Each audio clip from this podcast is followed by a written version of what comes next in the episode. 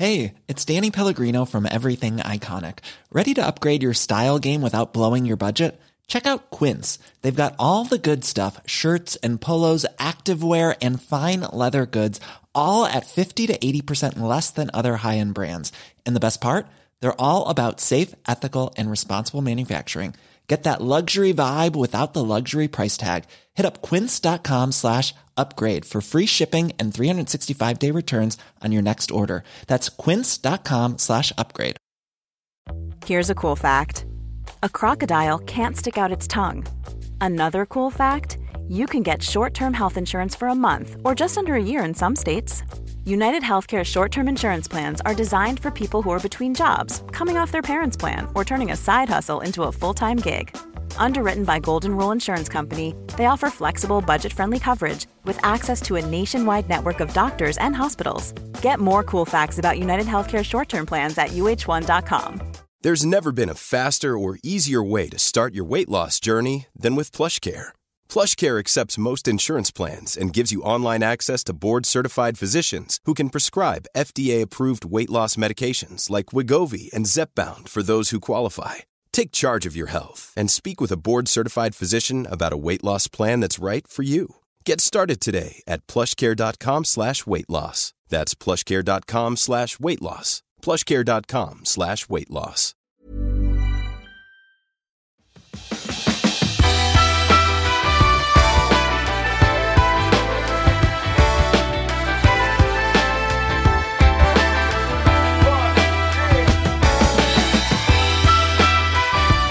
Hej och välkommen till Klimakteriepodden med mig, Åsa Melin. Ursäkta min röst, lite skrovlig här efter dyningarna av en elak basil som jag tror jag plockade upp på Bokmässan där jag hade nöjet att träffa gynekologen Hilde Löfqvist som precis släppt en bok för alla oss kvinnor i och kring klimakteriet. Eftersom hon inte kan ta obegränsat med patienter så delar hon i den här boken med sig av sin långa erfarenhet av att möta kvinnor under de år som kan bli hur bra som helst eller en riktig mardröm. Förordet till boken Hormonkarusellen har skrivits av professor Tord Nässén som också varit gäst här i podden ett par gånger. Och har du inte redan hört avsnitt 103 där han talar om risker och fördelar med hormonbehandling så är det ett bra komplement till det här avsnittet. Hilde har ju också varit med i Klimakteriepodden tidigare och om du vill så kan du gå tillbaka till avsnitt 22 och lyssna mer på henne. Men nu kör vi, så välkommen och lyssna.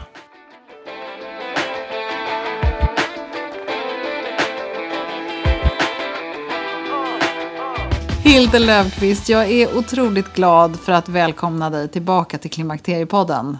Tack.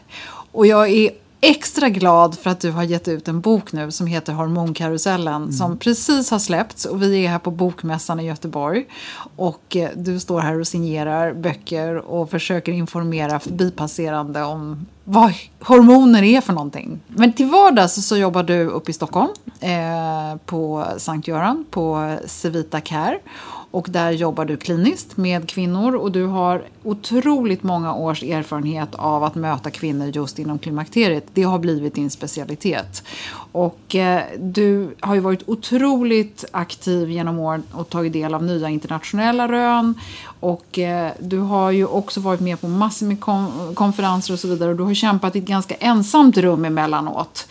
Och eh, nu så känns det ju som att ändå liksom vindarna blåser åt ett bättre håll. Det är, inte, det är fortfarande väldigt för eller emot och polariserat kan man väl säga så fort man pratar om, om, om mm. hormoner. Men jag upplever i alla fall att vi börjar hitta ett lite mer balanserat förhållningssätt. Hur, hur ser du på den här tiden som vi är i nu? Ja, det är fantastiskt. Alltså, det verkar som om vindarna verkligen vänder nu. Det blåser åt rätt håll.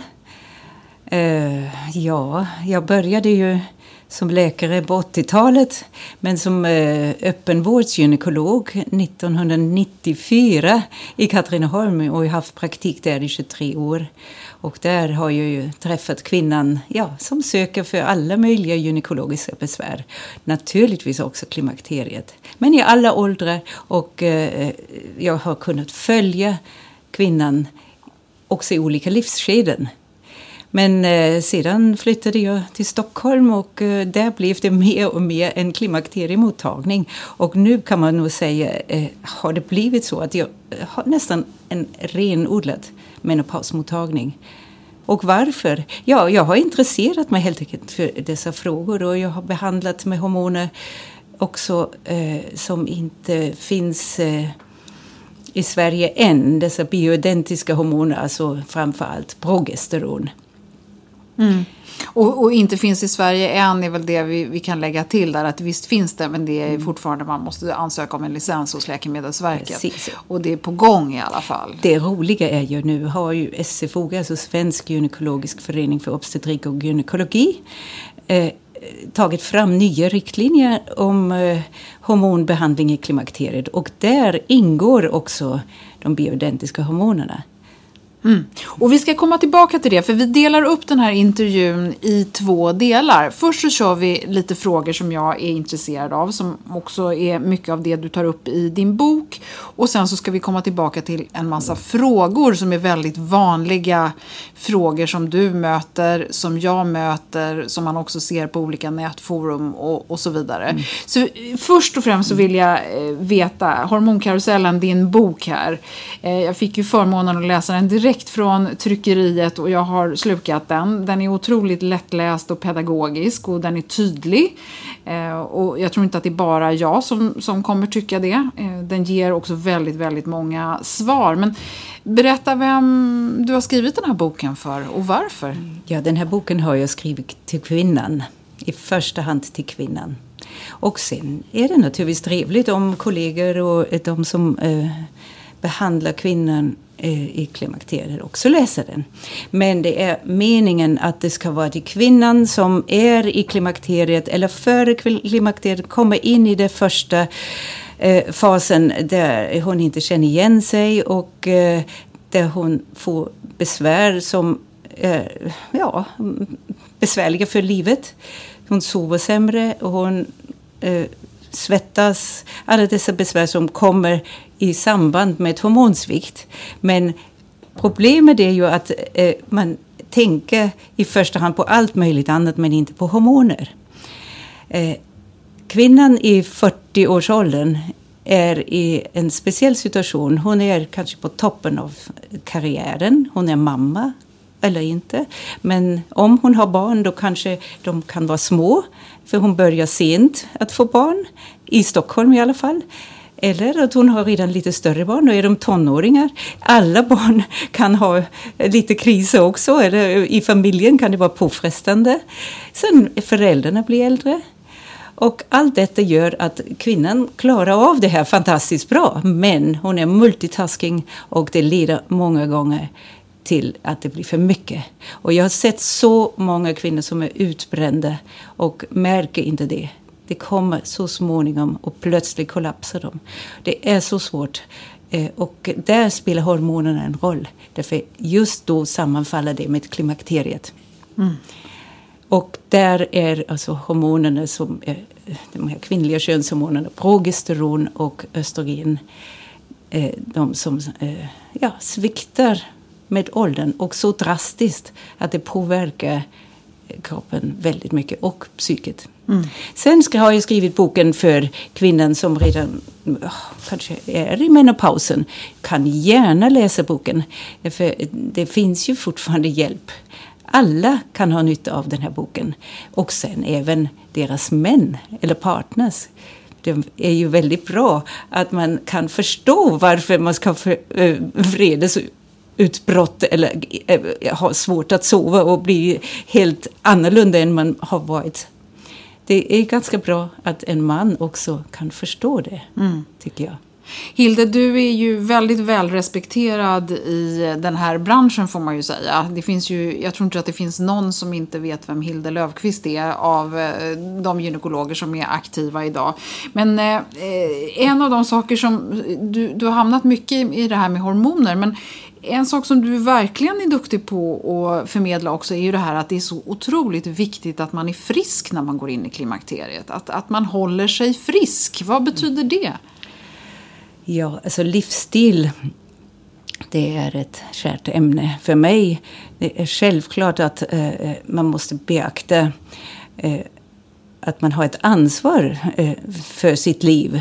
Alltså att man ska sköta sig, att man ska inte kanske ja, utsätta sig för för mycket alkohol och ska inte röka och träna och leva sunt och ha en psykisk balans. Ha goda vänner, socialt umgänge. Allt detta bidrar ju att, att man är en lycklig människa.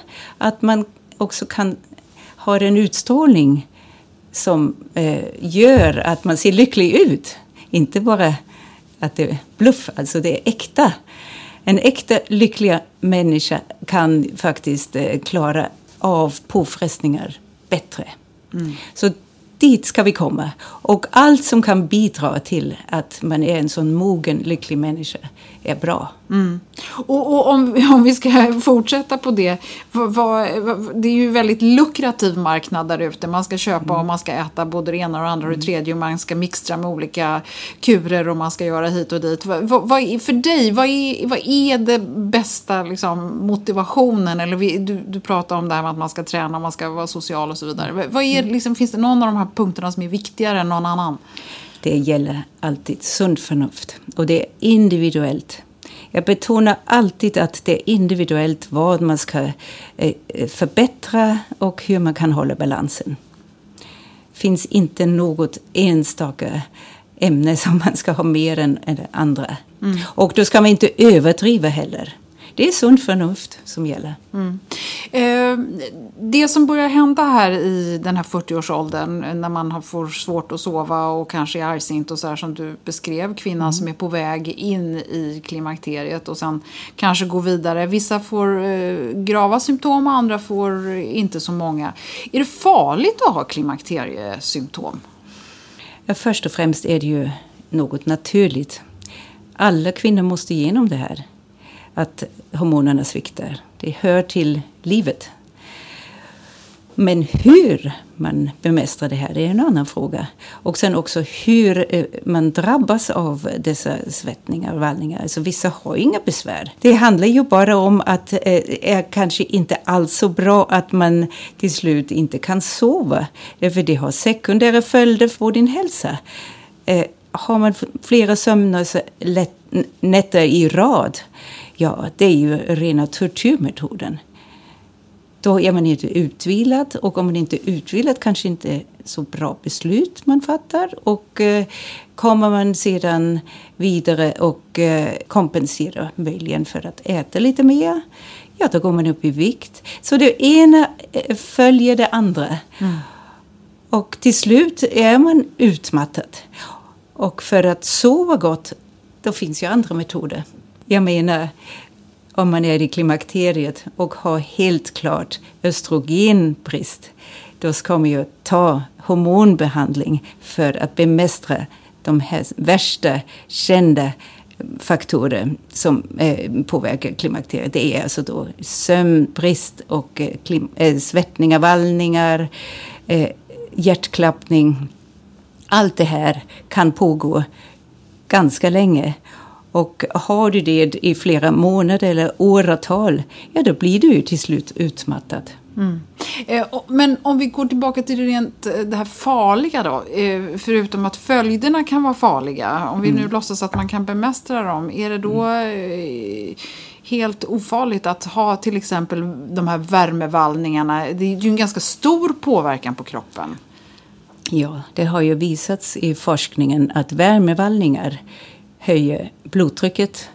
Och eh, de kvinnor som har eh, mycket värmevallningar riskerar eh, hjärt-kärlsjukdomar. Så att man ska inte ha värmevallningar. Det är det nyaste. Okej. Okay. Och den här forskningen, var kommer den ifrån?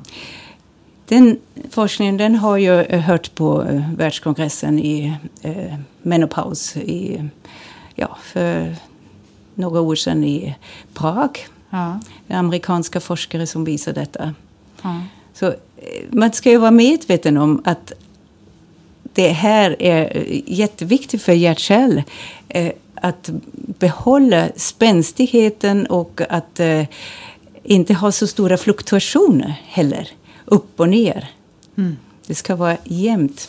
Mm. Okej. Okay. Eh, för, för, en teori skulle ju kunna vara då att klimakteriebesvären är värre desto sämre skick man är i. Men, men så behöver det kanske inte nödvändigtvis vara. Ja, ja, alltså kvinnor som är i sämre skick från början. Mm. Som har högt blodtryck, Ja, eller kanske överviktiga och övervikt. andra, eh, mm. alltså väldigt hög stresspåverkan i sitt liv eh, mm. redan initialt. Mm. Ja, de har ju från början naturligtvis ett sämre utgångsläge än friska kvinnor. Ja. Klart. Men för dem är det ju också viktigt att de bibehåller det de har. Ja. Så ja. det, det, finns ju eh, idag eh, mildare metoder. Alltså är man en kvinna som har haft eh, högt blodtryck och har behandlat sig med medicin eller en kvinna som haft blodpropp tidigare och fått behandlat.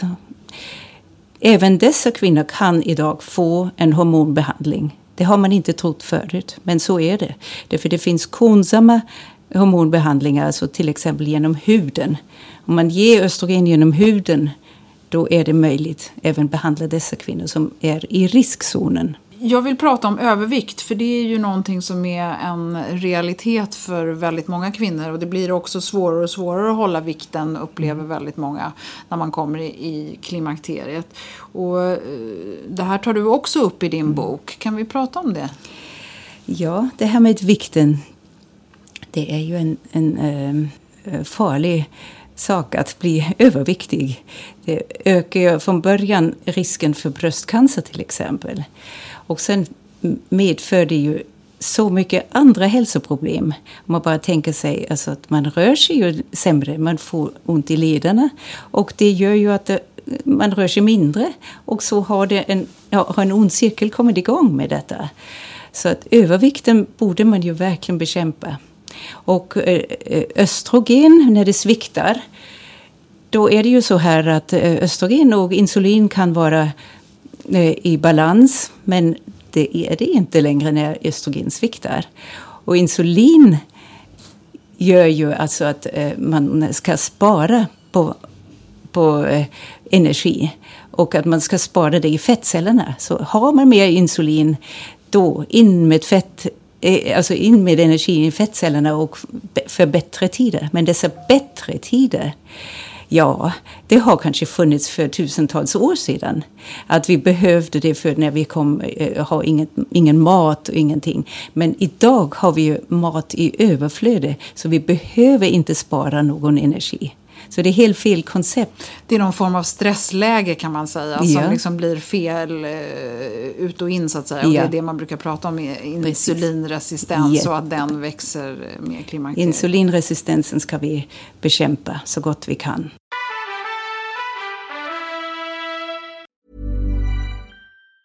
Even on a budget, quality is non-negotiable. That's why Quince is the place to score high-end essentials at 50 to 80% less than similar brands. Get your hands on buttery soft cashmere sweaters from just 60 bucks, Italian leather jackets, and so much more. And the best part about Quince, they exclusively partner with factories committed to safe, ethical, and responsible manufacturing. Elevate your style without the elevated price tag with Quince. Go to quince.com slash upgrade for free shipping and 365-day returns. Hey, it's Ryan Reynolds, and I'm here with Keith, co-star of my upcoming film, If, only in theaters May 17th. Do you want to tell people the big news?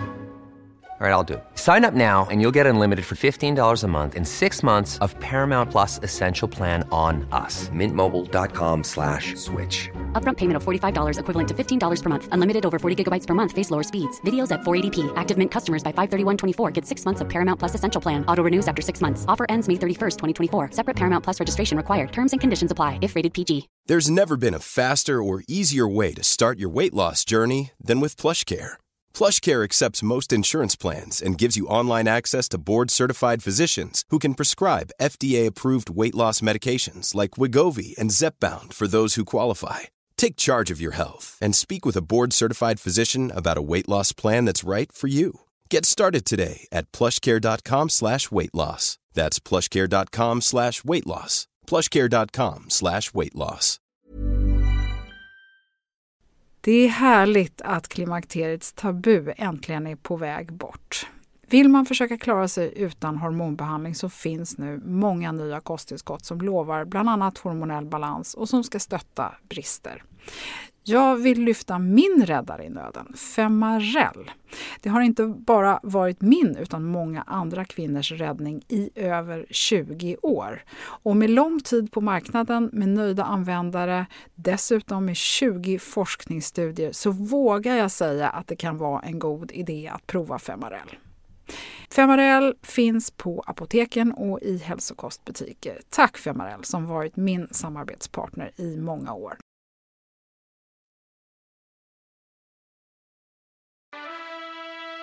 Övervikt eh, är en sak, men, men vad, du nämnde nu att eh, det är en, en riskfaktor för bröstcancer till exempel. Mm. Vad, vad dör kvinnor mer av? Vad är det som är farligt? Vad ska vi liksom ja. hålla oss friska från? Ja, alltså det har ju funnits eh, eh, det här stora spöket bröstcancer. Kvinnor tror att de dör i bröstcancer i första hand. Det finns en stor amerikansk eh, Gallup-undersökning där, där kvinnan tillfrågades vad tror du att du ska dö i? Och då svarade hon i var det 39 procent bröstcancer. Men verkligheten är bara 4 procent. Mm. 3-4 procent i Europa också. Mm. Och eh, den riktiga boven är hjärt-kärlsjukdomar. Där har vi över hälften, alltså vad var det, 52 procent eller något sådant, eh, som är orsaken till död för kvinnan. Och det ska vi bekämpa och där hör ju hormonerna till. Uh, och, och, hur ska man tänka då med bröstcancer och risk? Om, om 3-4 procent då uh, dör i bröstcancer i västvärlden, hur mycket ökar man det om man lägger på en hormonbehandling? Alltså det är ju det viktiga också i alla dessa studier som har funnits, att risken att dö eh, är ju inte förhöjd genom hormonbehandlingen. Det vet man idag. Tvärtom. Det är ju en, en minskad risk att dö. 30-40 procent när man ser de här långtidsstudierna. Det är när man pratar om overall cause, så att ja. säga. Dö ja. från vad som Men helst. det är inklusive bröstcancer. Risk, mm. Alltså risk att dö i bröstcancer. Det ingår. Mm. Och, och, hur ska man tänka där med, med, bröstcancer om man nu tänker så här, för det finns ju ändå en, en liten eh, risk för att, mm. eller man kan öka risken för att få bröstcancer om man redan har cancerogena celler i kroppen genom att tillföra östrogen. Hur, hur, hur, mycket, mm. hur stor är den här riskökningen egentligen? Alltså man måste ju tänka så här, eh, när man börjar en eh, hormonbehandling då vet man ju inte om man har en bröstcancercell i kroppen eller inte. För den kan ju vara så liten vilande och eh, funnits där i några år. Men hur skulle man veta det? Det upptäcker man ju inte genom mammografin.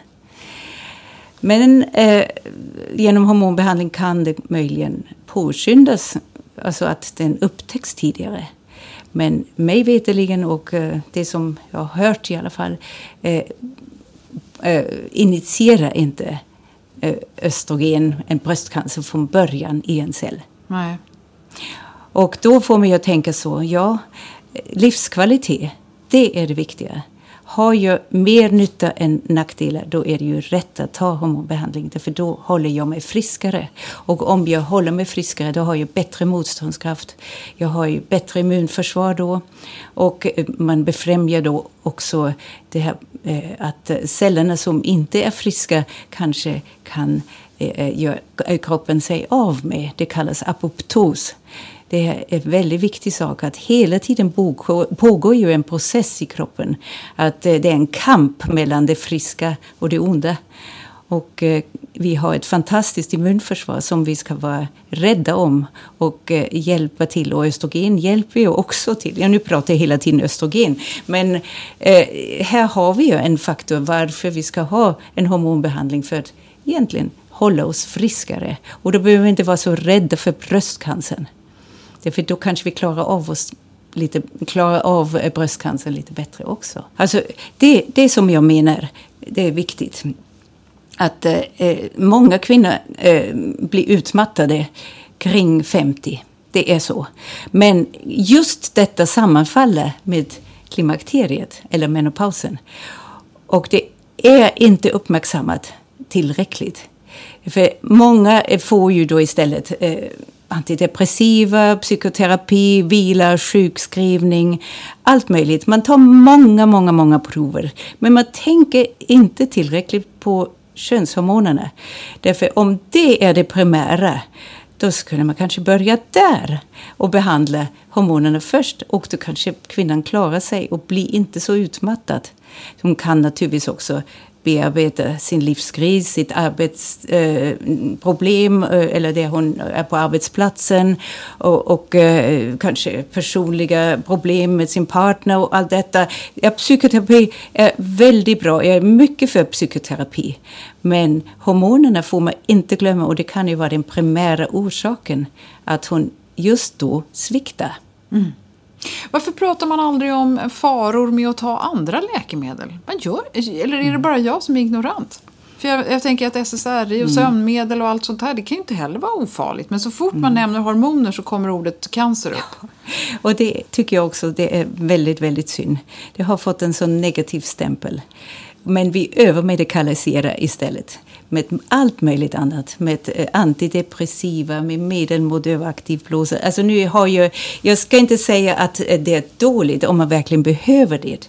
Men vi är väldigt, väldigt snabba att skriva ut läkemedel som är då farmakologiska läkemedel. Och det eh, menar jag också i min bok. Alltså den här farmakologiska behandlingen av gynekologiska besvär. Det har sitt berättigande när man måste behandla en sjukdom. Men för det fysiologiska som är klimakteriet, då skulle man inte behöva behandla med så starka medel. Då kan man ta det mer på det här bioidentiska sättet. Du talar också väldigt mycket om sexualitet i din bok som ett sätt att mm. hålla sig frisk. Kan mm. du inte berätta? Ja, det är eh, ett viktigt ämne för oss alla, för kvinnor, för män. Jag tycker bara att det är ju så synd när jag träffar kvinnor som har helt enkelt gett upp. Och det börjar ju med att det gör ont vid samlag och eh, det förstår de inte. Och sen är partnern också lite avvaktande och eh, eh hon, hon skyller på honom och han skyller på henne och det blir äktenskapsproblem. Och egentligen är grunden hormoner. Sköra slemhinnor är ju inget roligt. Det kan göra ont och det blir eh, ett problem. Då kan man substituera med eh, lokala östrogener. Men sen kommer ju också det här mentala, själva lusten.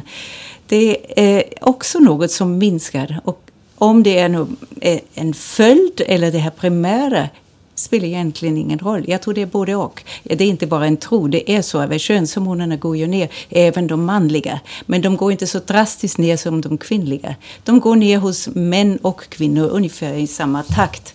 Alltså könshormonerna, androgenerna. Och då har vi DHEA och eh, eh, testosteron vi kan hjälpa kvinnorna med om de verkligen är väldigt långt nere med sin lust. Alltså att de inte har tillräckligt med lust där vill jag också säga att mycket eh, har att göra med hur stressad kvinnan är igen. Alltså har man en eh, binärig utmattning Alltså man är verkligen så pass stressad att binyrorna inte funkar som vanligt. Ja, det första är ju att könshormonerna eh, ligger på väldigt låg nivå. Det kan man mäta. Och då ska man ju kanske inte bara ge hormoner. Man måste naturligtvis behandla orsaken och hjälpa henne att komma ur krisen. Men det kan vara en väldigt bra hjälp att stödja lite. För det är inte så vanligt i Sverige. Testosteron och DHEA är ju ingenting som står direkt på, på första raden mm. hos de läkare man besöker. Inte min uppfattning i alla Nej. fall. Nej, eh, och jag är väldigt glad över att eh, International Menopause Society, det IMS heter det, det är alltså den stora eh, ja, Eh, organisationen som hela, finns i hela världen för menopausproblem med forskare från hela världen. De tar i år upp temat testosteron och kvinnlig lust i sin World Menopause Day. Wow. Och det är snart. Det är snart, oktober, tror jag. oktober, 18 Mm. oktober. Ja. Ja. Ja, vad- Så det uppmärksammas. Ja, då ska vi se till att vi får läsa mer om det och höra mer om det. Eh, Man får ju information från så många olika håll och samtiden innehåller nätforum och Dr. Google som du själv pratar om och man jämför med andra och, och, och så vidare. Du framhåller också vikten av att vara källkritisk och du hänvisar till hur viktigt det är att man diskuterar och konsulterar läkare eller gynekolog när man går in i tankar om hormonbehandling. Och eh, du är ju inte ensam om att se ett problem här för det- är inte så många läkare och gynekologer som är helt up to date med all den här forskningen som du tar del av och några andra få som eh, vi har haft förmånen att höra här i podden. Det är inte så lätt som kvinna. Hur, hur, eh, vad, ska, vad ska jag göra? Ja, så nu är det ju så att tyvärr går det ju inte att behandla sig själv så lätt. Man måste ju ha någon att bolla med och eh, hjälpa en att diagnostisera eh, var vad bristen är och hur mycket brist och vad du kan göra för att det blir en balans i behandlingen. Och det har ju vi gynekologer naturligtvis eh, en väldigt stor fördel att vi kan se inre organ med ultraljud. Alltså livmodern och äggstockarna och sen en fysisk undersökning, alltså att se slidan och slemhinnan där och eh, allt eh, och, och palpera eh, livmodern och se om det var ont här och där och se hela kroppen. Det är jätteviktigt i det hela sammanhanget för innan man sätter igång en hormonbehandling tycker jag. Eh, och eh, det har vi ju gynekologer i hela landet. Och sen är det ju alltså själva mötet innan att kvinnan öppnar sig och berättar om sina besvär. Det är ju inte så självklart heller. Det är ju, eh, mycket annat som infaller samtidigt och eh, andra sjukdomar. Och det, det är viktigt att, att man har tid för den här diskussionen innan man gör undersökningen. Sen kommer efter eh, undersökningen också en sammanfattning och bedömning vilken behandling som skulle vara bäst. Och sen ska kvinnan ha förtroendet att också våga börja med den här behandlingen. Och till detta hör ju också att man har ett återbesök tycker jag. Därför sätter man sig in i det här att man skulle börja med något som man aldrig gjort förut blir man ju lite rädd kanske. och, Och eh, har många frågor. Men om man har ett återbesök efter tre månader, ja, då har man en viss trygghet att det är inte är så farligt, det går nog bra. Och eh, allt, eh, biverkningar, allt sånt vad som kan förekomma med en behandling får man ju också berätta om. Så det är inte så självklart, det går inte bara på hux flux en kvart. Nej, men jag, ser, jag förstår det. Och där, där tycker jag att du är väldigt duktig på att prata om ett självskattningssystem. Att man liksom förbereder sig inför ett gynekologbesök så att man ganska tydligt har förstått vad det är man själv vill ha hjälp med och vad det är man upplever som de största problemen. Då kan man komma väldigt långt på de här 20 minuterna. Men mitt problem är ändå det här med när inte vare sig kvinnan eller doktorn fattar att det är klimakteriet. Alltså, och, och, när- och du kommer till en läkare och säger ja, men jag har in- inte tillräckligt mycket erfarenhet av hormoner. Jag vet inte hur jag ska behandla dig. Ja, men det är därför jag har skrivit boken. Jag vill verkligen eh, förmedla den här erfarenheten jag har haft i alla dessa år. Eh, Och eh, för alla, för kvinnan och för behandlande eh, personal. Och då är det bra med polyesterkvinnor. Det tycker jag är Mm, det jättebra. kanske tvingar också eh, läkarna att bli lite mer intresserad. Och sen är det ju så viktigt också med den här individuella bedömningen. Därför jag tycker ju, alltså, det kommer ju fram i min bok också, att eh, det är verkligen olika eh, hur, vilka förutsättningar som finns från början och vad man kan göra. Alltså det är inte självklart att alla ska ha samma hormonbehandling eller bara bioidentiska. Det finns så mycket man kan välja. Och eh, kan vara att det är en helt annan metod eller inte alls hormoner. Vi kanske måste fokusera mer på livsstilsfrågor. Så att jag, jag är ju väldigt för en eh, helhetssyn i det hela. Mm. Eh, Hilde, vi ska börja avrunda den här första delen här. Men jag är väldigt mån om att vi pratar om det här med självmedicinering när vi är inne på det här spåret. För det är ju där vi hamnar. Kvinnor är desperata och så får de tips och råd från vänner och nätforum och Google och, och, så vidare. Och sen så beställer man det man vill ha på nätet och så kastar man ut lite frågor eh, och så får man massor med svar från kvinnor som har erfarenhet att de har testat det ena här och det andra där. Hur ska man se på den här typen av hjälp? Är den, är den så hemsk egentligen? Ja, det är bra med ett eh, erfarenhetsutbyte, det tror jag säkert. Men det är ju inte så att varje kvinna är unik. Och det går ju inte att säga gör som jag. Det skulle jag aldrig säga själv, gör som jag. Därför det är, det är omöjligt, därför vi är olika. Mm. Så därför kan man inte härma en annan bara. Nej, men kan inte det vara bättre än att gå till en läkare som inte har någon koll? Det ska bli bättre. ja, nej, jag förstår att du inte kan hänga ut eh, dina kollegor men, men det är ju det här som är liksom grunden till frustrationen för väldigt många. Men vi, vi hoppas att vi är på väg mm. åt ett bättre ställe. Jag vill eh, också bara avsluta med här, går man igenom historien så är det ju lätt att hitta fel när man tittar tillbaka. Eh, vilka fel begås idag som man eh, kommer se om 20-30 år? Hmm. Ja, man kan ju inte veta egentligen. Nej. Tror att det är någonting som jag, ändå som du upplever? Vi har pratat lite om övermedikalisering och vi har pratat mm. lite om, ja. om, att man negligerar vissa faror och, och, och mm. eh, kanske ser för hårt på andra. Ja, det blir intressant att se om 20 år. Men eh, jag tror att så länge man har sunt förnuft nu och eh, kan eh, väga eh, för och nackdelar då kan det inte bli så mycket fel så som det har begåtts. Jag är väldigt mycket emot det här kategoriska syn, så ska det vara. Och det finns bara en väg. Och det här svartvitt tänkande, det kan vi inte ha.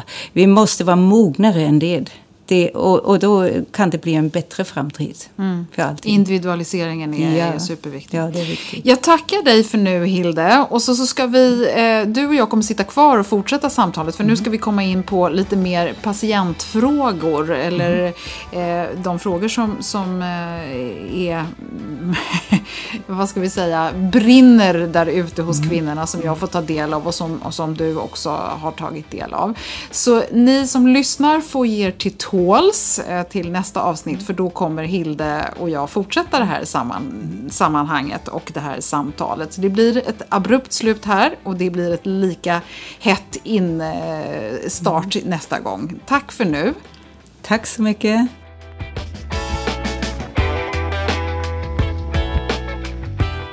Ja, så kan det alltså låta från en gynekolog. Och jag vet ju hur många kvinnor som verkligen känner att de har fått hjälp när de har träffat Hilde. I sin bok Hormonkarusellen som du kan läsa mer om på Klimakteriepoddens hemsida och Facebook-sida så tar Hilde upp ett antal hypotetiska patientfall. Vilket är oerhört spännande för alla kräver verkligen olika insatser och olika behandlingar precis som sägs i avsnittet. Så är det verkligen individualiserat. Återigen så tycker jag att det är viktigt att säga att det här med hormoner är inte något som gäller för alla i alla lägen. Tvärtom. Det är otroligt viktigt att fundera på det här med helhetshälsan. Hela livsstilen, sociala relationer, sexualitet och stress. Jag tycker också det här med relationen mellan utmattning förlossning och klimakteriet är superintressant. Hilde var ju med i Klimakteriepodden redan i avsnitt 22 som jag nämnde i försnacket och gå gärna tillbaka och lyssna på det om du gillar det hon säger här. Det finns lite frågetecken kring det här med testosteronbehandling av kvinnor i klimakteriet, framförallt eftersom det är så ovanligt. Och vill du läsa just det här som Hilde nämner, att International Menopause Society eh, tar upp eh, just testosteron och kvinnor och klimakteriet eh, i, som tema i anslutning till internationella klimakteriedagen den 18 oktober så kan du läsa deras statement eh, som förklara lite varför och hur och, och, också bakgrunder till varför det är lite komplicerat och hur man ja, kan se på testosteronbehandling och kvinnor och vad man kan förväntas uppnå.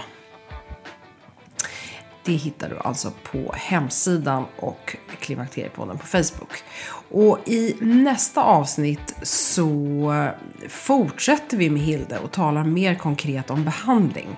Och framförallt progesteron och gestagener och de här olika skillnaderna. Så det blir massor med frågor som många av er som lyssnar har bidragit med. Så det blir otroligt spännande och jag hoppas många av er får svar på era frågor. Tack för den här gången och välkommen snart igen. Och vill du komma i kontakt med mig, Åsa Melin, så hör av dig på info at klimakteriepodden.se. Hej då!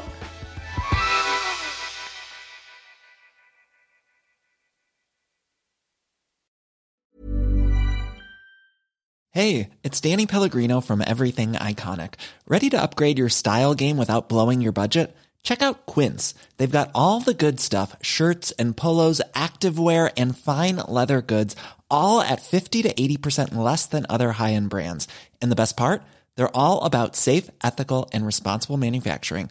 Get that luxury vibe without the luxury price tag. Hit up quince.com slash upgrade for free shipping and 365 day returns on your next order. That's quince.com slash upgrade. Hold up. What was that? Boring. No flavor. That was as bad as those leftovers you ate all week. Kiki Palmer here, and it's time to say hello to something fresh and guilt-free. Hello Fresh. Jazz up dinner with pecan-crusted chicken or garlic butter shrimp scampi. Now that's music to my mouth. Hello Fresh. Let's get this dinner party started. Discover all the delicious possibilities at hellofresh.com. Even when we're on a budget, we still deserve nice things. Quince is a place to scoop up stunning high-end goods for 50 to 80% less than similar brands. They have buttery soft cashmere sweaters starting at $50, luxurious Italian leather bags, and so much more. Plus, Quince only works with factories that use safe, ethical, and responsible manufacturing. Get the high-end goods you'll love without the high price tag with Quince. Go to quince.com/style for free shipping and 365-day returns.